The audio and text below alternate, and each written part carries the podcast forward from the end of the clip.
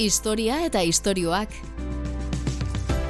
Hitza, ahotsa eta soinua aztarna zahar eta berrien oihartzuna. Europar batasuna historian izan den proiektu politiko handiena da inoiz ez dira horren beste herri ados jarri, horren beste proiektu aurreratera eta helburu bateratuak lortzeko.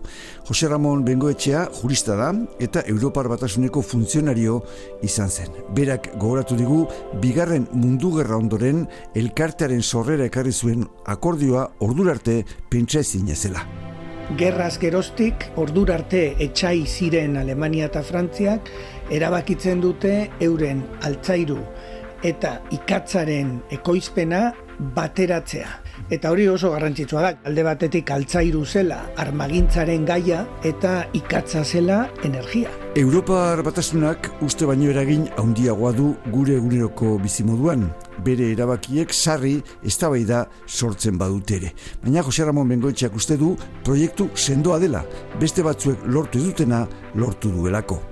Nik esango nuke ondo egin dela gauden egoeran gaudela ikusita munduan gainontzeko herrialdeak eta estatuak noraino iritsi diren eta baita ere saio regionalak deitzen direnak nola ezin izan duten aurre aurre egin. Europa batasunaren iragana, oraina eta etorkizuna aztergai Jose Ramon Bengoetxea juristaren laguntzaz. Historia eta istorioak Juan Josan Miguelekin. Historia, nazioartea eta giza iragana ahots hautatuen eskutik. Elkarrizketen bidez, gizakiok gaur egunera arte ekarri gaituzten bideak jorratuz. Jose Ramon Bengoetxea jurista da, Unibertsitate irakaslea, Euskal Gobernuan ere kontseilari orde izan zen, eta Europar Batasuneko Justizia funtzionaria. Jose Ramon Bengoetxea, zemoz? On, ongi, eskerrik asko. Zuke ondo zautzen duzu Europar Batasuna, eta Europa batasuna zer den izgutxitan azaldu beharko bazenu edo ezagutzen ez duen bateon bati adirazi beharko zenio bazenio ze esango zenioke. Ba, une honetan nik eh, lehenengoz bereiziko nuke alde batetik Europar integrazio prozesua luzea baita eta horren nolabaiteko episodio bat edo une bat, ez? Une historiko bat eta da Europar batasuna forma ematen diona integrazio prozeso horri forma instituzional bat, juridiko ekonomiko bat, ez? Baina forma hori ere asko aldatzen ari dena. Eta beraz, e, ulertzeko Europar batasuna zer den, ikusi beharko genduke, zein unetan ari garen aztertzen. Eta egunero, iaia, orduro aldatzen duela esan genezake. Orain, nun gaude?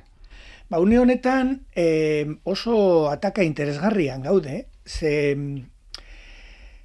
Gertatu da instituzionalizazio prozesua gauzatu da pertsonatasun juridikoa lortu du lehen garai batean nolabait eh, zutabe desberdinetan ibili behar zan proiektu bat, bat eginda dago 2000 bederatziz gerostik, proiektu oso bat dela esan dezakegu, ez? E, alde batetik ezagutzen genuen merkatu batasun hori, ez? non ba, produkzioko faktore nagusiak, ez, gai nagusiak, osagaiak, pertsonak, enpresa, kapitala mugitzen den trabari gabe, horri gehitu zitzaion nolabait eh, justizia eta barne gaiko gai batzuk, ez, e, gero eta gehiago, akumulatiboa baita, zentzu horretan, eta gero badago kanpo edo atzerritar politika bat, gehitu zaiona defentsa politikoa, os, orain oso joeran dagona eta oso garrantzi handia hartzen nahi dana, eta beraz,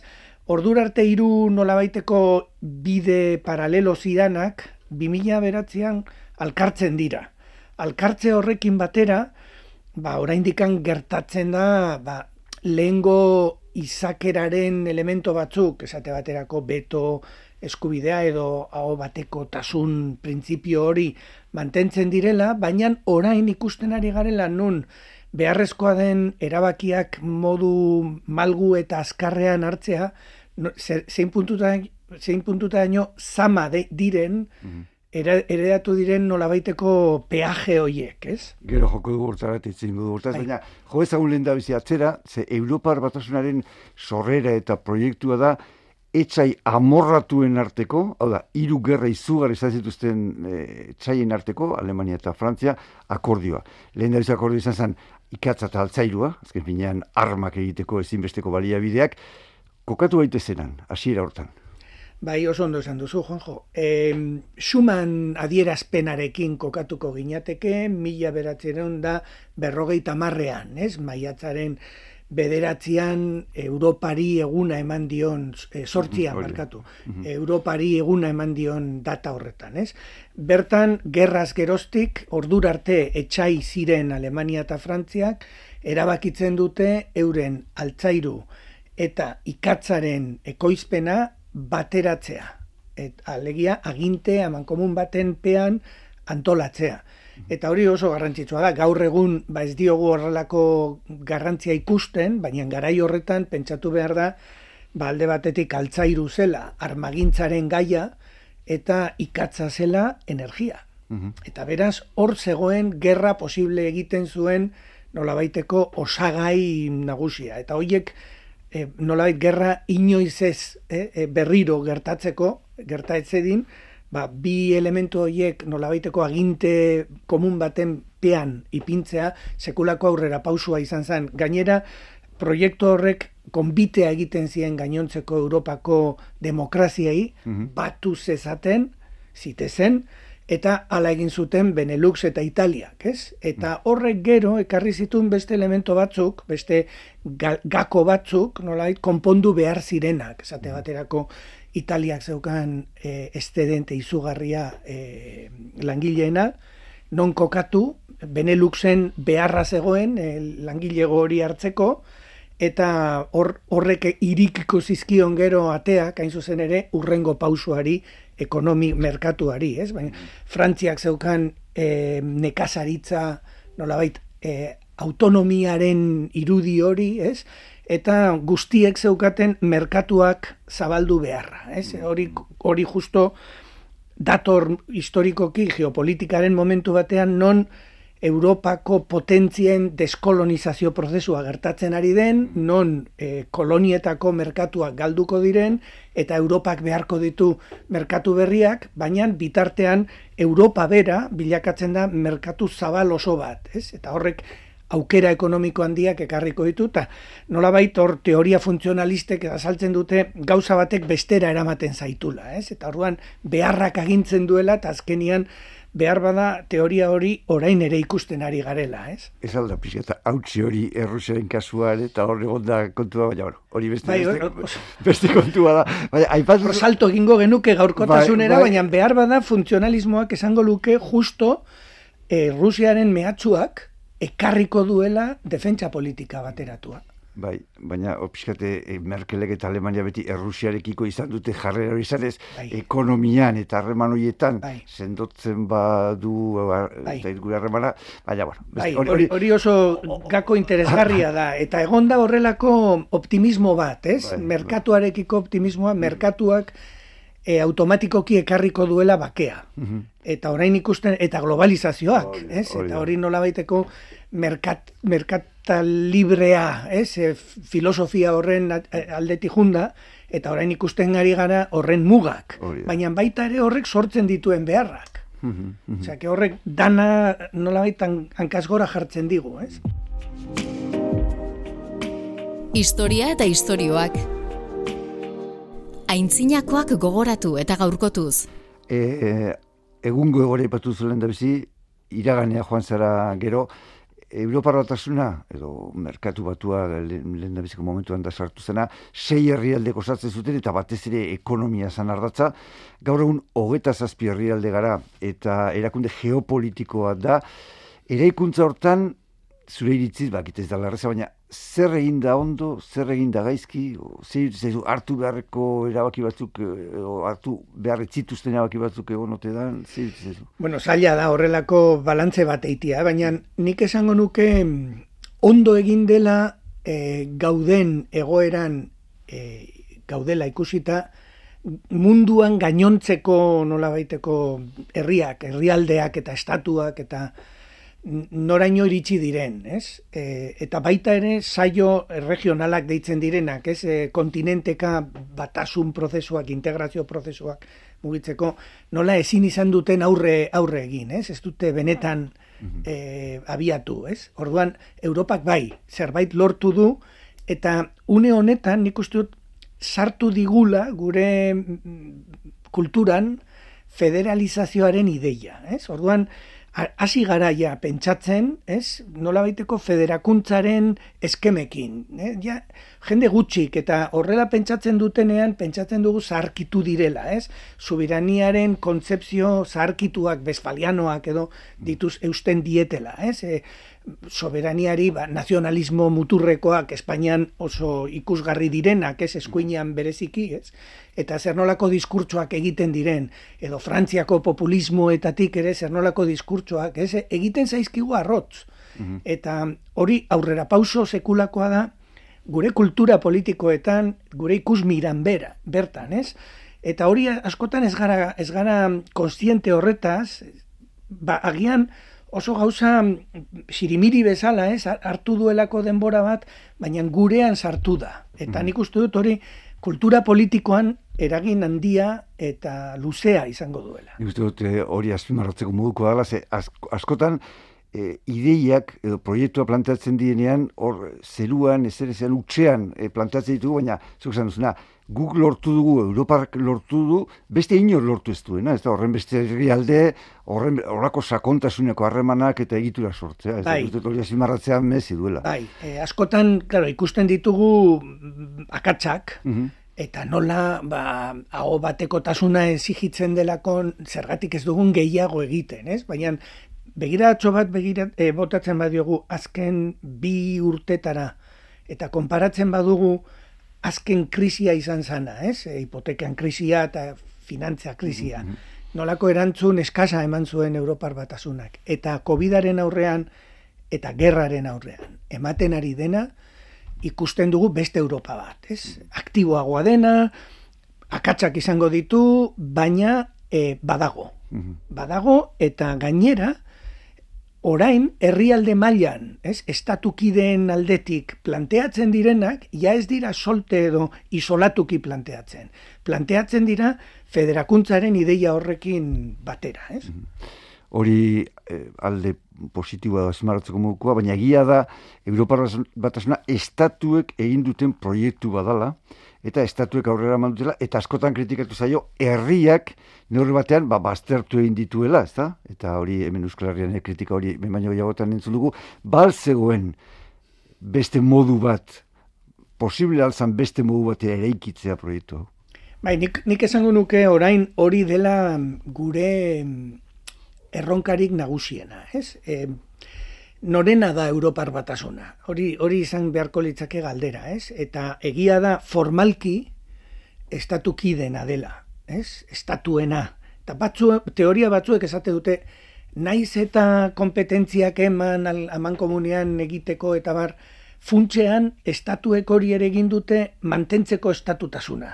Nola baiteko oso ondo etorri zaiela augustia, zen hortxe jarraitzen dute izaten jaunda jabe, nola baitez. Subirautza, eraldatu da, baina ez da galdu. Ez? Eta mhm. funtsean mantendu egin da hor. Beste modu bat ikusteko, da, bale, orengo zuz ditzagun er, herrialde, estatu ez diren herrialdeak, ez? erregioen kontua.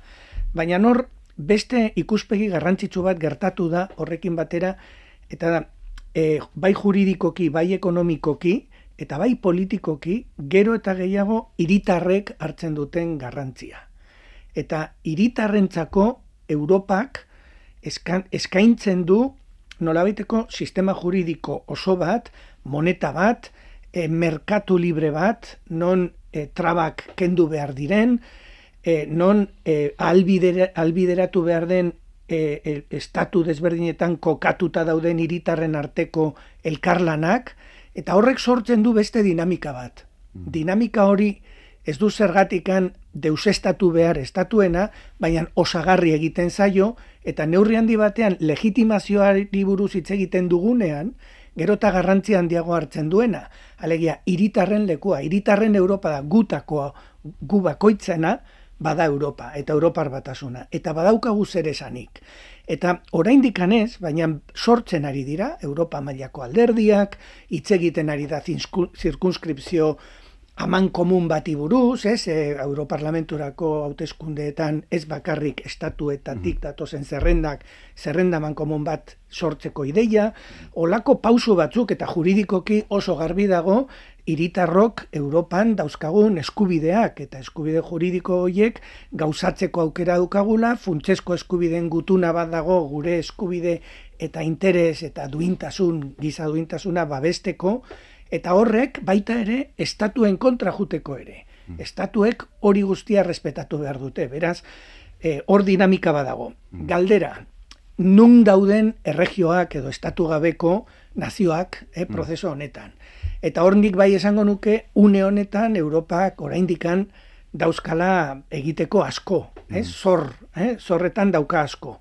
Zer gertat, zer egin den? Ba, eginda Europako erregionalizazio politika bat ekonomikoa dena, batez ere, ez, e, regio desberdinetan bere da, eta hor koesio politika batek bilatzen du laguntzak eta nola baiteko berdintzea mm. desberdintasun ekonomiko handiak, eta gero instituzionalki ba, eskualdeen komitea edo batzordea deitzen dana, komite de las regiones. Eta hor, ba, oraindikan egia da e, oso pisu simbolikoa daukala, subsidiariotasunaren printzipioa ere hortxe dago, eta denborarekin ikusi egin behar da ze joko ematen duen, baina nik uste dut hor beste mm, pauso, aurrera pauso handi bat eman behar da, pena da e, resuma batuak alde egin izana, mm zen Eskoziak ekarriko zuen, hain zuzen ere, barneko zabalkundearen ideia hori, non e, herri bat, e, nazio bat, askatzen baldin bada beste estatukide batetik, ia jarraitzea daukan automatikoki edo errastuko zaion bidea kidetzeko, kide izaten jarraitzeko, hori guztia, Eskozia joan da, ba nola bait geratu da hor itzalean. Dago izango dena, ba, batez ere horri irudi bat ematen, edo pixkat hori ze forma emandakioken pixkat eh, zehazten. Hain zuzen. Hor dago beste kritika bat egin zaiona, eta da, 2000 eta lau eta 2000 eta zazpin artean, egin zan, ba, zabalkuntza undienetakoa, ba, komunistak izan dako herrialdeak eta sartu ziren, eta leporatu izan zai Europar Batasunari azkarregi ezote zuen hori egin, e, beste beste estadu batzuk ez zituztelako baldintza behar bezala betetzen, ez da ez hori? Bai, e, kontrastatzen du orain daukan nolabaiteko geldotasun horrekin, ez, ekide berriak onartzeko orduan, ez, e, bueno, hor, esaten dute fast track edo bide azkarra errastuko tezaion Ukraniari oso zaila dauka, baina edozein kasutan hor daude ate joka eta itxadon zerrendan mm. e, e, ekialdeko batez ere balkanetako herrialde bat batzuk, ez? Eta oraindikan ba ez dira sartu, azkena Kroazia izan zen, ez? Baina mm, hor betiko galdera dago, ez? Beti egonda Europar batasunean horrelako mm, tensio bat, ez? Alde batetik zabaldu eta bestaldetik sakondu.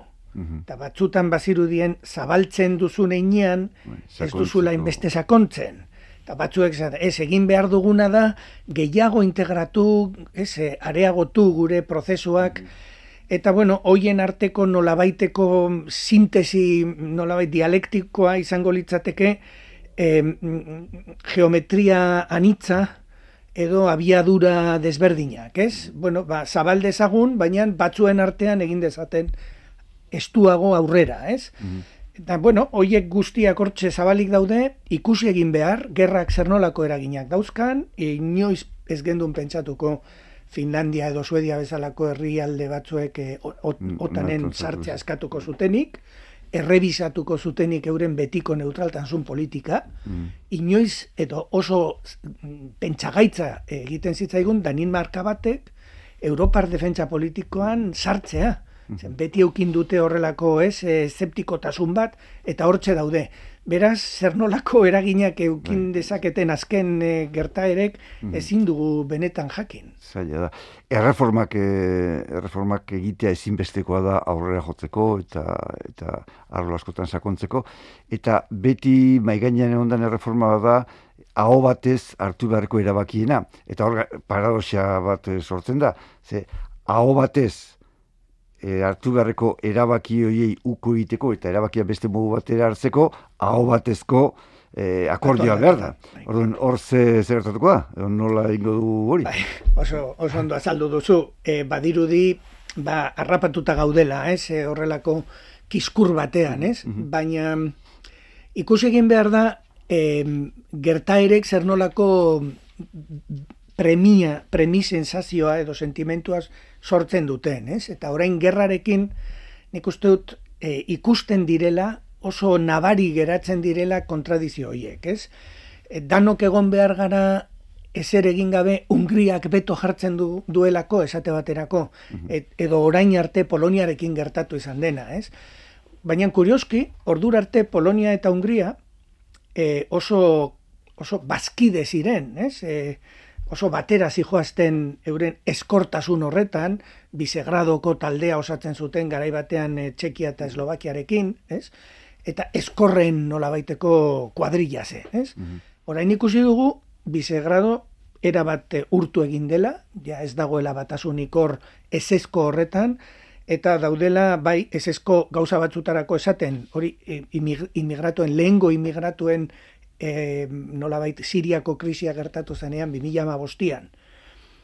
Oiek bai batu egin ziren, esetz esateko etorkinei, eh, Siriatik zetozenak, orain Ukrainiarekin batera guzti aldatu da egoera, giroa, gero Europar funtsak sortu zirenak covid dela eta ba, behar handia dago, Ungriak blokeatuta izan ditu eta jarraitzen du izaten, eta badirudi Poloniarenak askatu egingo direla, naiz eta hor behar bada gure harima saltzen ari otegaren, bueno, galdetu behar dugu, ez? Baina beharrak agintzen du hain puntutaraino non e, Poloniak gerraren aurrean hartu duen posizioak, nolabait lagundu egin du deusestatzen edo desegiten bisegrat taldea, eta behar bada ekarriko du, behar bada, beste aukera bat, nolabait aurrera pausuak emateko, lortzen baldin bada, Hungria, kasu honetan bai, zazpigarren artikuloa batasun, batasun tratatuarena, e, hori lortzen baldin, horrek al, suposatzen du estatu batek ez baditu errespetatzen funtsesko baloreak Europar batasunarenak,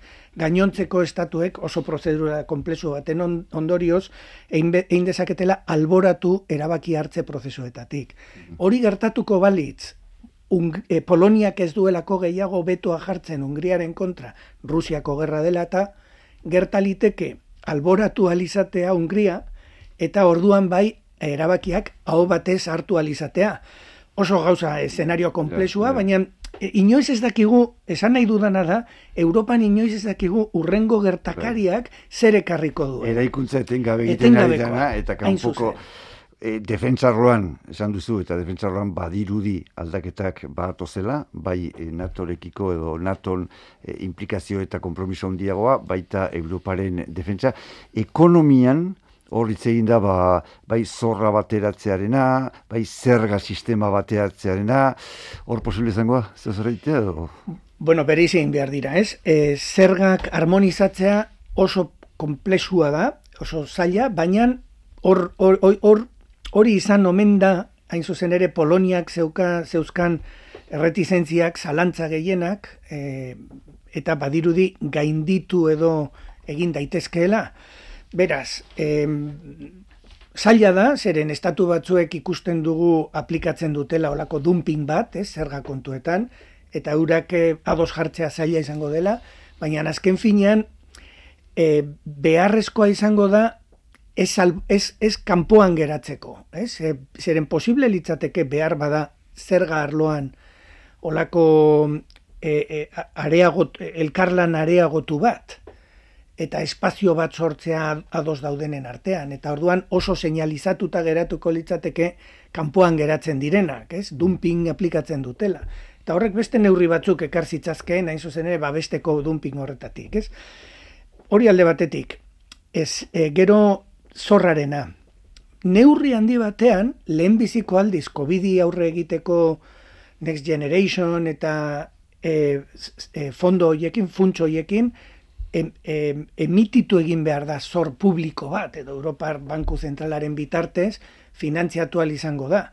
Eta hori sekulako aurrera pausoa da. E, lehenbiziko aldiz egiten dena, eta finantzia krisian ezinezkotzat jotzen zena, posible izan da COVID-arekin. Beraz hor, behar bada zehoz ere etorriko da, ez? Historia eta istorioak. Itza, hotxa eta soinua. Esan dugu defentsan beti handi batean estatu batuen menpe ongarela, ondela Europa. Atzerri politikan ere, ba, beti esan izan du da, e, bere Europak duen pixu e, ekonomikoa eta biztanleko purari buruz dagokiona, eta bar, horrek ez dula ze ikusi benetako eragina ikusi ezkero, ezta? Erkialdo urbilean, esaten dute, Europar batasunak ordaintzen duela, eta beste batzuk e, hartze dituzela erabakiak, ezta? Atzerri politikan... Bueno, atzerri politika oso komplexua da eta asko aldatzen da, ez? E, esate baterako orain otan badirudi ba, konsolidatuta dagoela eta Biden presidentearekin gauzak beste modu batean ikusten ditugula, baina lehen Trump zegoenean e, izututa, izututa geunden zer gertatuko ote zen horrekin, ez? Eta orduan ikuste dut Europan estatuak eta hiritarrasko jabetu zirela zerbait sortu behar zela Europar zutabetik. Eta hor Europar defentsa politikoak zer, ba, nik uste dut zentzu handia daukala.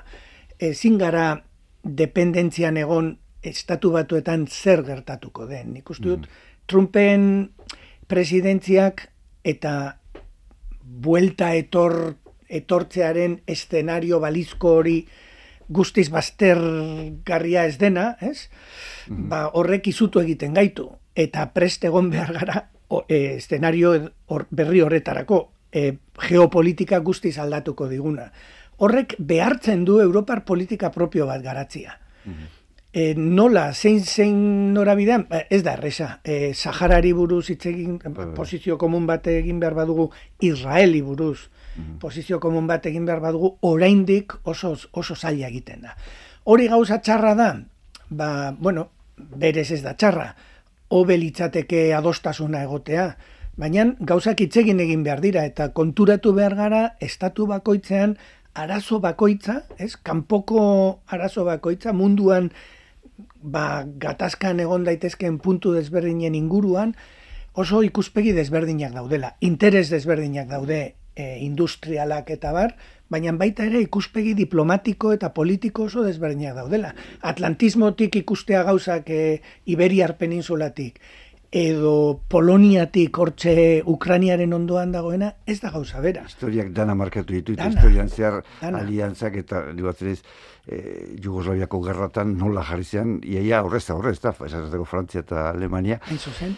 E, Europa batasunak geota eragin gehiago du gure uneko bizitzan, e, gure legetan, batez direktiben bidez da bar, jendea konstiente da hortaz, ohartzen gara, eh, garrantzi hortaz? Gero eta gehiago. E, bueno, euro txampona, hori hemen mugan bestaldean bizigaren ontzat, ze aldaketa ekarri digun, ez? Hori mm. biztan da. Baina, ba, esate baterako, e, mugikorrak e, deiak, kanpoko deiak mugitzen garenean, eskubideak ditugunak bidaiari bezala, ez? Oieke gure ez dut esango eguneroko bizitzan eragina dutena, baina sekulako eragina. Kontsumitzaileen babeserako direktiba, sekulako jokoa eman du Espainiako sistema juridikoan, aldatzeraino, ba, zoru hipotekak eta beste hainbat e, prozedurak eta sekulako, izan da iraultza, iraultza mm. txiki bat, e, artikulo soil batetik etorri dena. Mm. Eta hori gehi, hain zuzen ere, justizia ausitegiaren interpretazioa egin duna, ez? Beraz, zentzu horretan, esan daiteke, sekulako eragina daukala gure bizitzetan.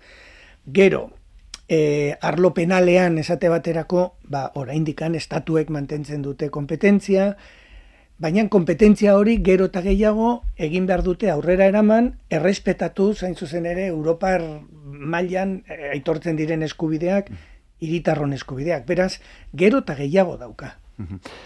Lau koma milioi kilometro kuadro, lareunda berroeta mar milioi biztanle, munduko lehen potentzia ekonomikoa, konstiente gara hortaz, jendea hortaz jabetzen da, edo beste zerbait baliz bezala, o kanpoko zerbait baliz bezala ikusten dugu. Igual, ez daukagu eta ez dakit nahi dugun, baina ez daukagu potentzia gogorraren, ez, ikuspegi hori, ez? Potentzia gogorraren ikuspegia e, estatu batuak eta Errusiak eta behar bada Txinak, ez? Une honetan ikusten dugu hori ikusgarri egiten da, ez? Askotan esan izan da Europar potentzia da biguna, malgua. Orduan ez da ikusgarri, ez da, ez da nabarmena, lehen esan dut txirimiritza, ba, antzeko zerbait, hor dago, bustitzen du, baina ez gara konturatzen, ez?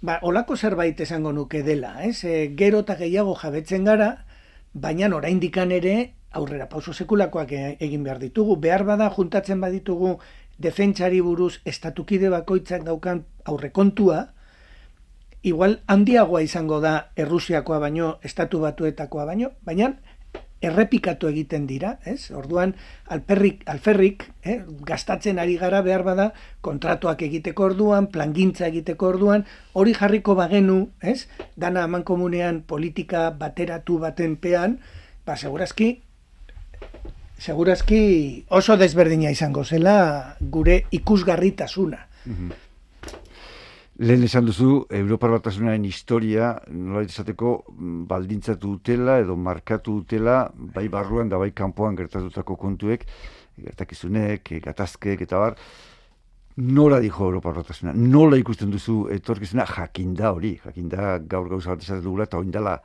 sei bete, seguru beste bat esango genukela, eh, egoera berri, berari buruz.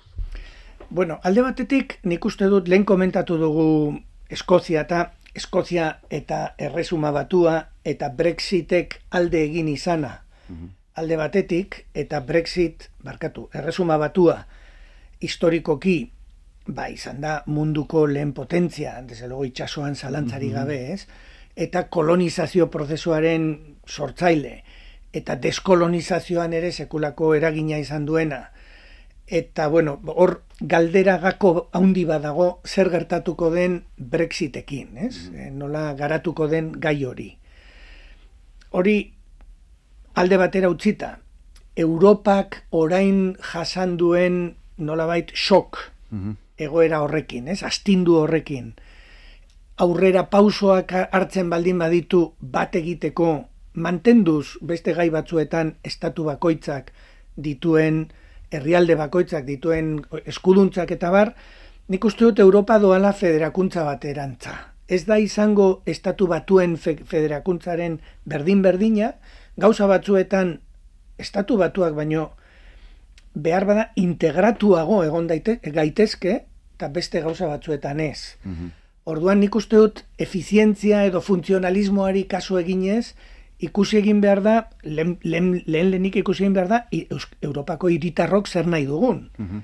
Eta hor, mehatxo handia ikusten dut nik populismoen aldetik, ez? Populismo, oza, Europak jasatzen dituen kritikak eta erasoak, kanpotik, baina baita ere barrutik. Mhm. Eta barrutik jasotzen ditunak askotan, loturaren badaukate kanpotik dauden e, kritikekin. Mhm. Eta finantzia, finantzioi finantzieroki ere bai laguntzak izaten dituzte. Mm -hmm. alako nazioarteko populista bat, ez? Mm Elikatzen, ba, batek elikatzen du ere Europako populista mugimenduak, ez? Mm Hoiek daukate irudia, ez da bakarrik subiranismoari bueltatzea, ez? Mm Irudi besfaliano hori, eta nazioarteko elkarlana kolokan jartzea estatu bakoitzaren interesak nolabait koretxiz, ez? Mm Baina horrez gain, dakar demokrazia beraren galera iliberaltasun horretan, ez? Mm Gehiengoek agintzen dutena, gutxiengoek galtzen dituzten euren garantiak, bermak eta eskubideak.